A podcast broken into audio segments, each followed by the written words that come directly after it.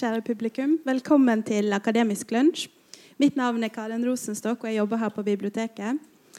I dag eh, skal det handle om eh, kunstig intelligens og maskinetikk.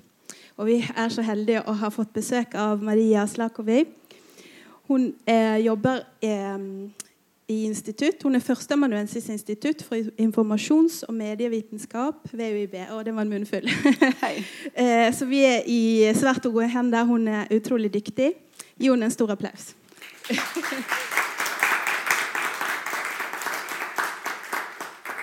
Thank you everybody for being here and for you know having an interest in AI and machine ethics. I apologize this talk is not in Norwegian. My pronunciation is currently so bad I use it against people, not to help people. Uh, if I am uh, speaking too fast, people have been telling me that I do tend to do that. Please just, you know, look panicked at least so I can react. All right. So there has been quite a lot of uh, conversation in popular media and uh, in social media and among people about artificial intelligence and what is this and is it a threat? Is it a benefit to society? Should we do something about it? And uh, when Karen asked me to give this talk, originally we thought, we thought, okay, I will just talk about machine ethics and the ethical issues of artificial intelligence. But then I realized that, I mean, not everybody knows what is inside artificial intelligence. And I do research in this area and I teach courses at the university on artificial intelligence as well. So I thought maybe I should just actually try to, in a nutshell, uh, explain to you the highlights and what it is. And this is the first part. Uh, so I will tell you what AI is, and then I will speak of what its limitations are. And it is these limitations that get people worried and discuss about ethical issues and possible dangers to people and society. Right. So I have this. I love this excerpt here that you, you probably recognize. This is X Files, and this is from the first season in 1994. Um, and I love it because they already have concerns about artificial intelligence. Uh, this guy, whose name I don't remember, says, "How much do you know about artificial intelligence?" And then Mulder said, "I thought it was only theoretical." And then this guy says, it was until two years ago. And you see this in artificial intelligence all the time. People think it's theoretical, and then, no, until two years ago it was theoretical, now we have really done it. And this has been since forever like this. Well, okay, so let's begin with what artificial intelligence is. Uh, very simply, it is the field that studies synthesis and analysis of computational agents that act intelligently. Now, this mouthful means that we are trying to figure out how can we recreate intelligent behavior in computational systems, in machines. So how can we make something that is a machine or a program behave intelligently? Now, of course, we can't do that without actually understanding what behaving intelligently is. So this is the analysis part. We also are interested in what behaving intelligently is to the point in which we are able to recreate that intelligent behavior. So the goal of AI is not world domination. Do not listen to the papers. It's not to make all of us into paper clips or whatever this current theory is.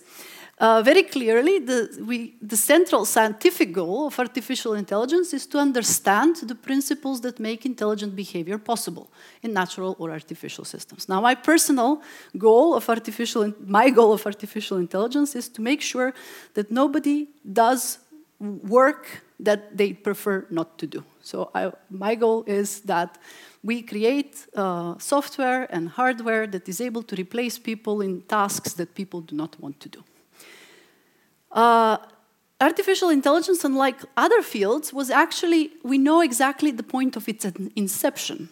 So there was a Dartmouth workshop in 1956 in the summer where all these smart people, here already old, this was not from 1956, got together and they said, well, there are these new things called computers, and we are, they are doing something that appears to be thinking is this a new field? Is this computer science? And they just got, they thought that within six to eight weeks, they would be able to understand every aspect of learning or any other feature of intelligence and to the point that they can precisely describe it so that the machine can be made to simulate it. So this goal is very ambitious at the time. They thought we can just do this in six to eight weeks.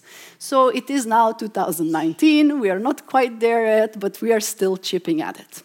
Now, the other misconception in the media is that artificial intelligence is machine learning. This is synonymous. And then there is this new thing, which is deep learning, which is like machine learning, but, you know, deeper. um, this is a little bit of a confusion. Uh, there are many areas in uh, artificial intelligence, and I try to outlist them all here. So we are talking about search, planning, knowledge representation, reasoning, natural language processing, constraint satisfaction, robotics, perception, multi-agent systems, and learning, right? So search is, uh, I need to find, uh, imagine this entire library is stored as a data file and you need to find a particular fact in this data file. Is it the case that this song appears among Norwegian uh, texts from 1957, right? Search. How do you find things? Planning is about I want to build a robot that gets from this floor to the roof and then from there washes the windows. How do I, how do I decompose the actions it has to do in order for this particular goal to be achieved? Knowledge representation, the way we communicate knowledge and understand knowledge is not the way that computers uh, understand, understand knowledge, right? So anybody that ever Program the machine knows that you have to use a programming language, which is based on a, some kind of a formal language. Now, a formal language is something that is not ambiguous. So, we as people, we communicate with each other with, with words that have more than one meaning, and then we extract this meaning from our gestures and tone of voice and other signals. Whereas for machines, we need to write everything down in a language that has only one meaning. In the, in the basis of this, this is just zeros and ones, right? And then we have natural language. How can we translate human uh, language into machine language and back? Uh, how can we solve complicated problems? Like, for instance, um, you want to build a scheduling system for the, all the trains in Norway, so you need to do it in a particular way that certain constraints are satisfied. You cannot leave uh, Bergen without any train connection. Uh, you can leave Oslo without train connections, but not Bergen. Uh, you, um, you want that a person who takes the train uh, and arrives in, I don't know, uh, Hønefoss is able to then take the connection from Hønefoss to Torp, for example. So these are all constraints, and how do we program uh, how do we find a solution that satisfies all the constraints?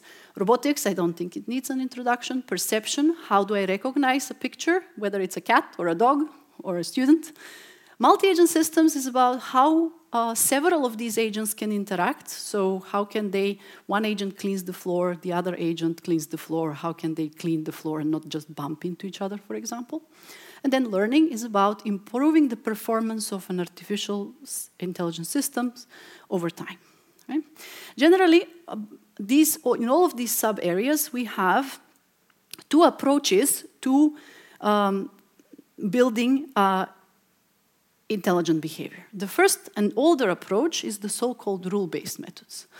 So, in a rule based approach, your, your problem that you're trying to solve, like for example, a Sudoku puzzle, can be completely described. All the, all the possible things that you can do here are completely described and known ahead of time. And then uh, all the all the things that uh, what what defines a successful solution, what is a good solution, what is a bad solution, what is permitted, what is forgive, for, forbidden, it's all known. And then you write a bunch of rules like this. So you say if you have in the first tab one, or if you have two, or you have three, or four, or five, or so on, then you can do this and this. Right? So the, the what I mentioned before, the um, problem of finding a train schedule that works for all the constraints is handled in this particular way. Now, uh, this is a very nice method because somebody can just write out all the rules and know what's going on in the program. And then once a solution is found, you can actually prove that this really solves your problem, right? However, you cannot always use rule-based methods. Sometimes the problem can be fully described, uh, but writing out all the rules uh, does not does give you a solution, but the solution is just too long, right? So, like chess, for example, uh, a chess game can be fully described. You know how many pieces there are on the board. You know how many cells there are in the board. You know what the allowed moves are, what the for forbidden moves are, whose turn it is, what does a winning in the game, what is the solution that you're looking for looks like. However, there are so many combinations of moves that you cannot go through all of them within the lifespan of one person, if not the universe, I believe. Another type of problems cannot be specifically described. This is, for example, for example, for example, um, let's say you try to write a program to determine whether somebody is beautiful or not, or the most beautiful person in the world. Mirror, mirror on the wall, who's the most beautiful person of the all? So then, how do you describe who is beautiful? And you kind of can, by writing rules, you can say, well, it's a person who has a symmetric face. Great, but then there are people who have been historically known as great beauties and they don't have a symmetric face. And then you come up, well, except so, uh, uh they have a defect, but the defect is somehow cute. But then what does this mean, cute? I mean, defect, asymmetry, right? You shouldn't even.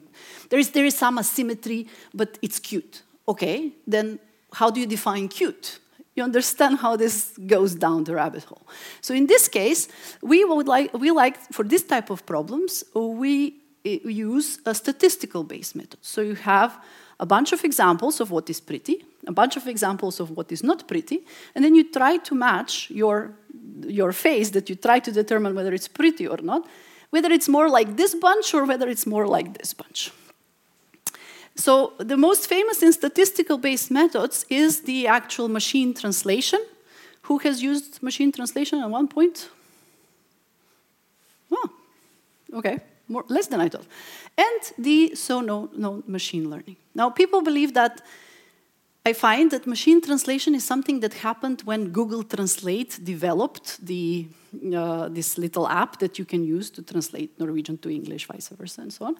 But in fact, the original work in um, machine translation uh, was the original papers that, that uh, suggest how to do machine translation are from 1949 and it was not the fact that we have so much information over the net and that Google exists that machine translation is now possible. It's the fact that when the European Union formed and the European Parliament had to have all of these uh, legal texts translated with high quality in several different languages, all of a sudden there was enough examples, perfectly parallel, quality translations in several different languages, that could, that made these algorithms that were known from 1949 to work. And then Google took it and make it even more nicer, and it started using machine learning as well. So, what are the limitations of artificial intelligence? So, I will talk to you about specifically, there are many, there are many, many, uh, but I will specifically focus on learning limitations and on reasoning limitations as examples from the statistical based approaches and from the rule based approaches. So, what is learning? So, I guess this is what is shown. Somehow you have a bunch of objects or entities, and you want to build a program that recognizes what they are. Are they an apple or are they not an apple, for example? So, what we actually do is we try to find a function that takes a description, some kind of a machine description of this object that you're trying to classify, and matches that description into a label, a class. So it is a little bit like these Facebook quizzes that you see all the time. And you have, have well, this is the case, and three caterpillars is 21, two watches and one caterpillar is 19, a flower, watch, and a caterpillar is 15. So what is a caterpillar, flower, and a watch, right? So this is what machine learning actually does. You get a bunch of examples like this, three caterpillars, 21, and you're trying to find a function then that will allow you to solve the unknown example, the unknown combination of factors. So how do we describe to a machine what a particular object is? We do this using features. Now, a feature is a property that describes and distinguishes an entity. So let's say if I have some entities here, which are fruit. And I want to build a program that recognizes whether this fruit particularly is an apple or a plum. So what are the features of apples and plums that are important that distinguish them from each other? Right? So we can think of, well, is it, a, is it purple? What, what color is it? Is it purple? Is it red? Does it have one stone? If not, then it has more stones. Is it soft? Is it bigger than five centimeters? And then what, based on this, what label it is. You can think of different set of features if you like as well. So let's describe these objects with these features. So the first one, it's purple, so it gets a 1. We give values in response to the features. It's not red, it does have one stone, it's soft, it's bigger than 5 centimeters, and so we know, and we know this example and we know it to be plum. We know this to be plum as well, although it is red, but it is one stone soft and not bigger than 5 centimeters. And we know this example as well, it is an apple, it is not red, it is bigger than 5 centimeters, it's not soft, it doesn't have one stone. So there is a person who identifies what is important for the entity that you're trying to classify. And this person, and, and there is another person who looks at the examples and then translates, gives values to these feature, features for each particular example, and gives the known label to the entity. Now, this person is that chooses which features are important is uh, a feature engineer and this process is called feature engineering. And this person is probably somebody who works for the Mechanical Turk and labels these examples in the right way. So this person has to understand what the domain of the problem is, whereas this person is just a human who knows whether something is red or not, whether something is an apple or a plum. So here is the limitation when you look at the world as a vector of values. Now, to us, an apple we know what it is, we experience it, right? And it's not just something that is purple or red or has one stone or soft or hard, right? But to a machine, an apple is just this line of um, values. Now, depending on how good a job the feature engineer has done, it could be that this is precisely the most important features that distinguish these objects, apples from plums. But it could be that not. So let's take this other example of a fruit this is a lychee? And let's try to, to see what values for features the lychee gets. Is it purple? No. Is it red? Yes. Does it have one stone? No. Is it soft?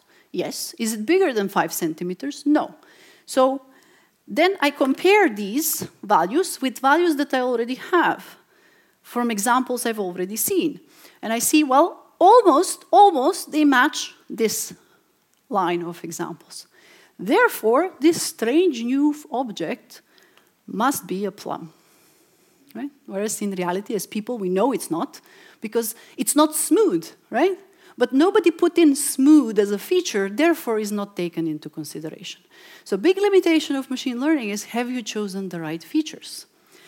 Now, there are, of course, different ways. Uh, uh so the, the, the problems that come out of this is then sometimes if you do not choose the right examples, if you do not choose the right features, then you end up in situations in which all of your examples happen to be from a database of white men, and then you present to the database a woman face or a uh, different uh, race person face, and your algorithm will not work anymore. And this picture has been in the, in the media recently.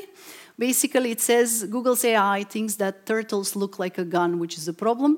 The problem here is that this not looks nothing alike to uh, people, but because of what how this object is represented to the machine and what the machine it is it has to deal with, and the examples the machine was given, these two may end up being um, the same thing to the machine.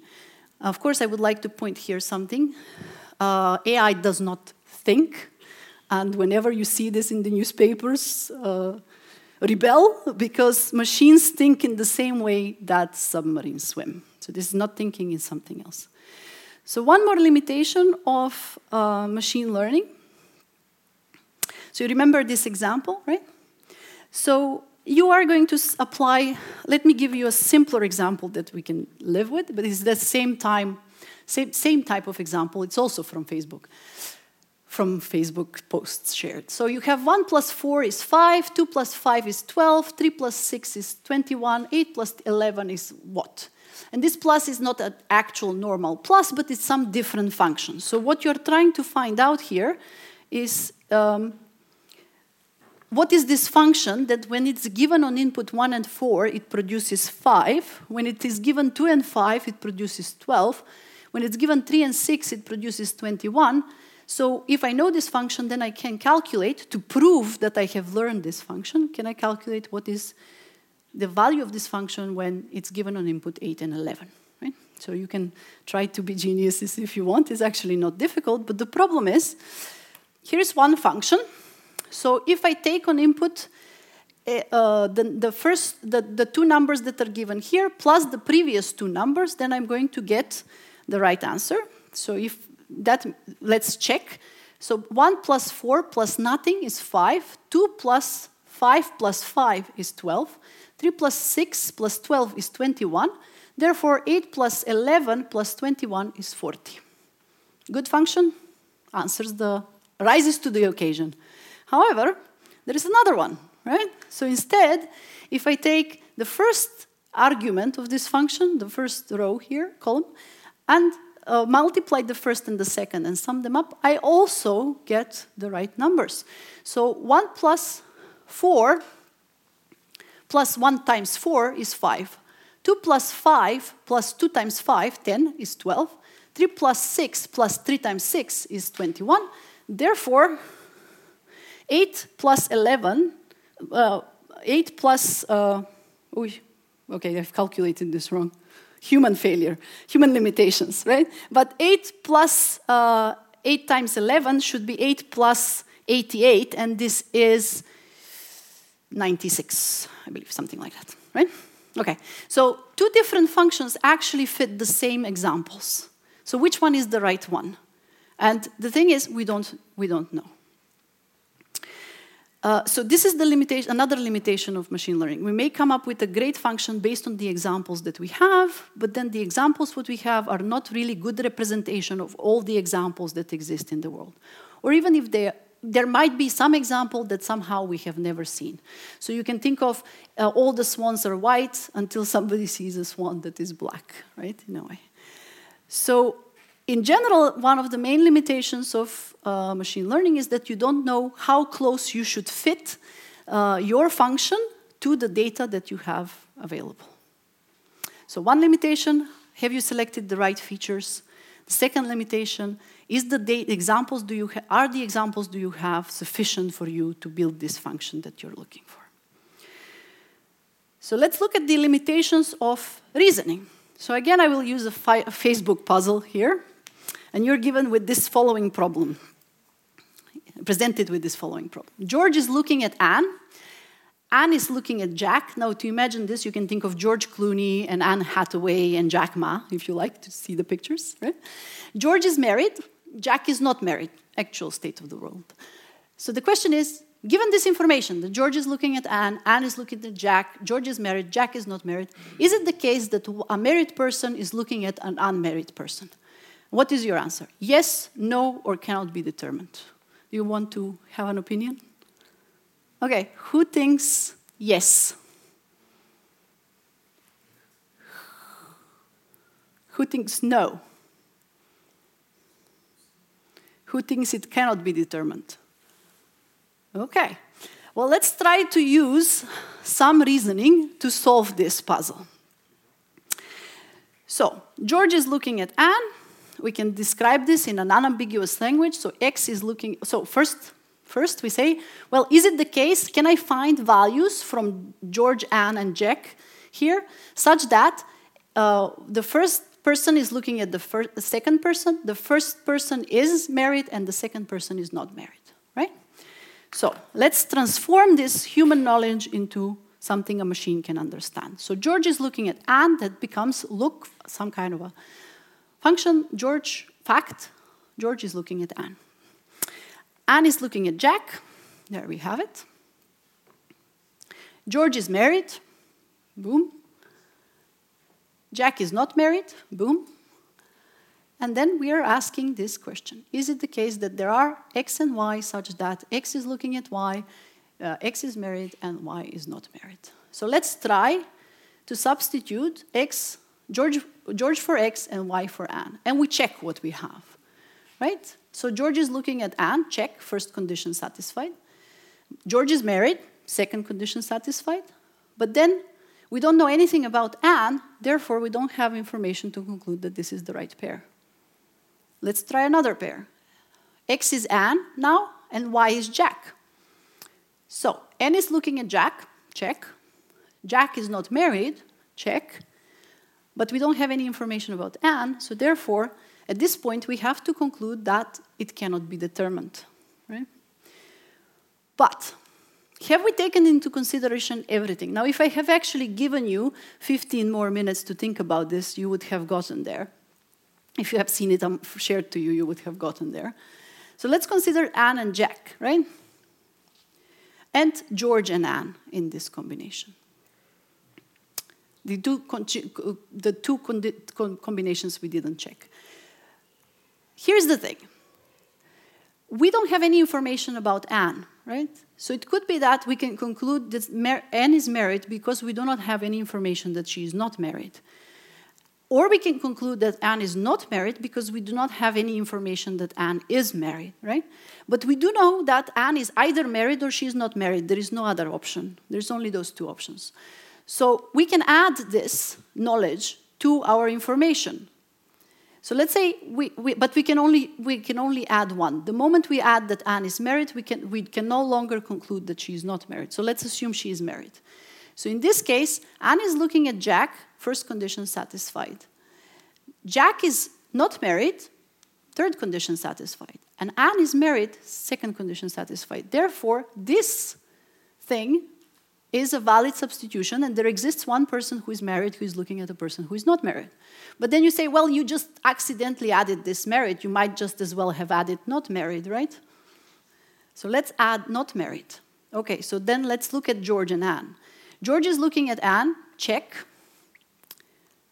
George is married, check. Anne is not married, check. Third condition is satisfied. So, regardless of whether Anne is married or not, we have a married person who is, not who is looking at a person who is not married. Now, to be able to, a person would eventually rely on their experience and get there. But for a machine to do, the, to do the same, somebody has to explicitly put these two lines of code in there. And the big limitation of reasoning, apart from the fact that some problems cannot simply be described Uh, in a feasible manner, is that you have to make sure you have remembered everything, that you have included all the background domain knowledge that needs to be included here. And how do you make sure that something is not missing? If, I'm say, if I ask you here, who is not in the room? Is if, no, better, is everybody in the room? Right? It is exactly the same problem. Is, every, is everything that needs to be specified specified? Sometimes it's not easy to see that. So yes, the answer is to this puzzle, yes, there is a married person who is looking at not married person. So what is this whole business then about? How, is this, how do these limitations translate to ethical issues of artificial intelligence? Up until recently, artificial intelligence was robotics, and we still have these very large factory robots that do very important tasks for us. Now, but the thing is, when, when we build these robots, what we do is we replace human movement with machine movement, one for one. So the machine does this on the, in the factory, the robot does this in the factory. And the thing about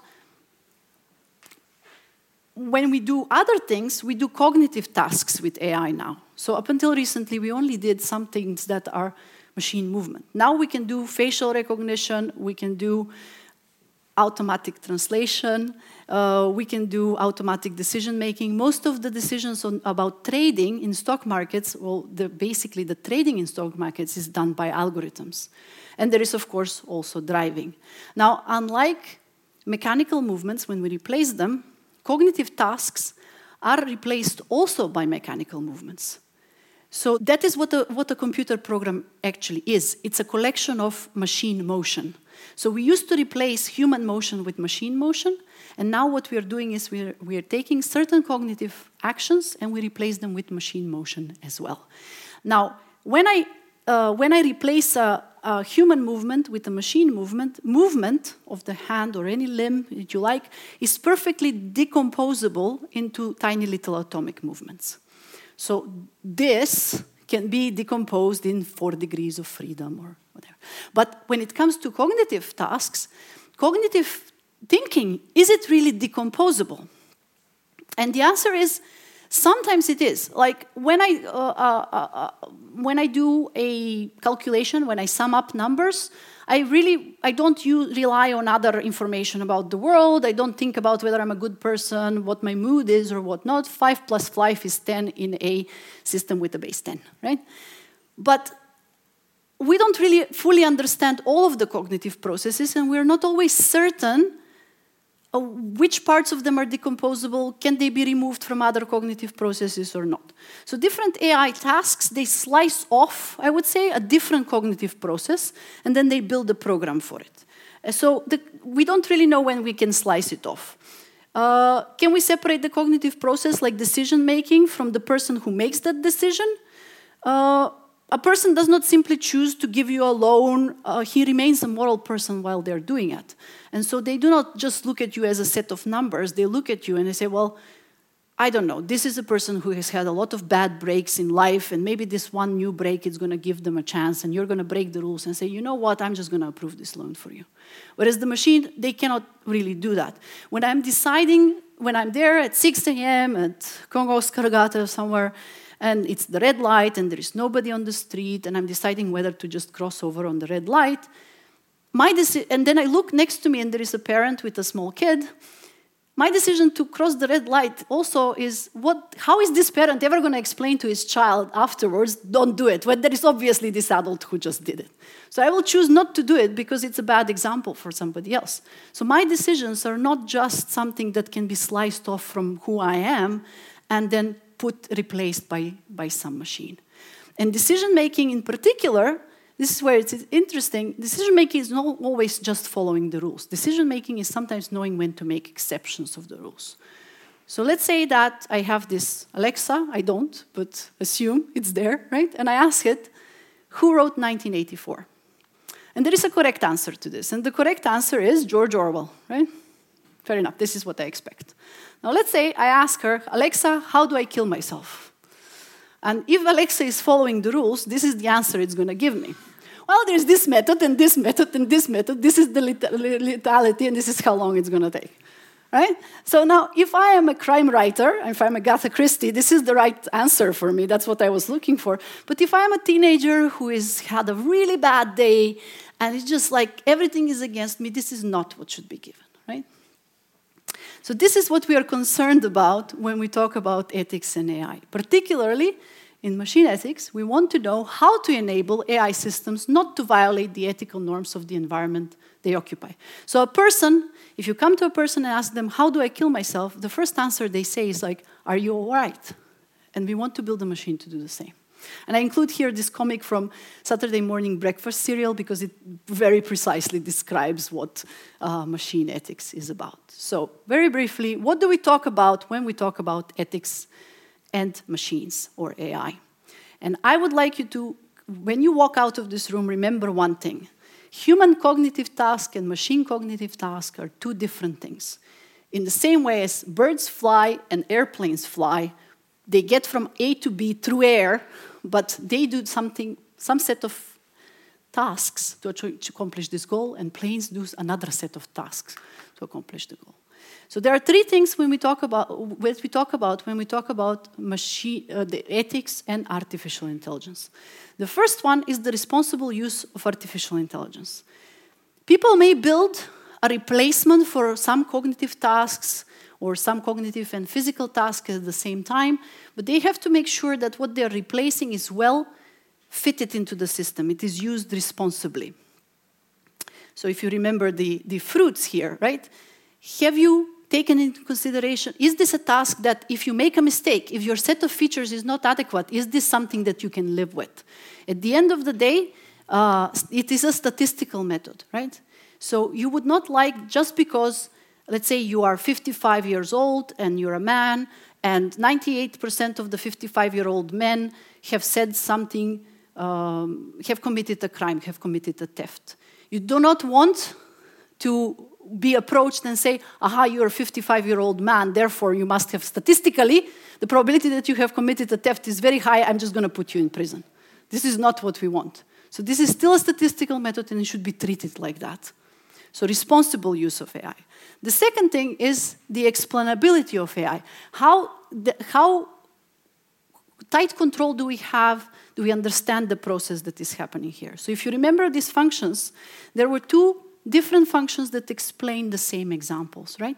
And if I am to fix this, then when you are giving me, okay, um, the value for 8 and 11 is 96, I should be able to know why.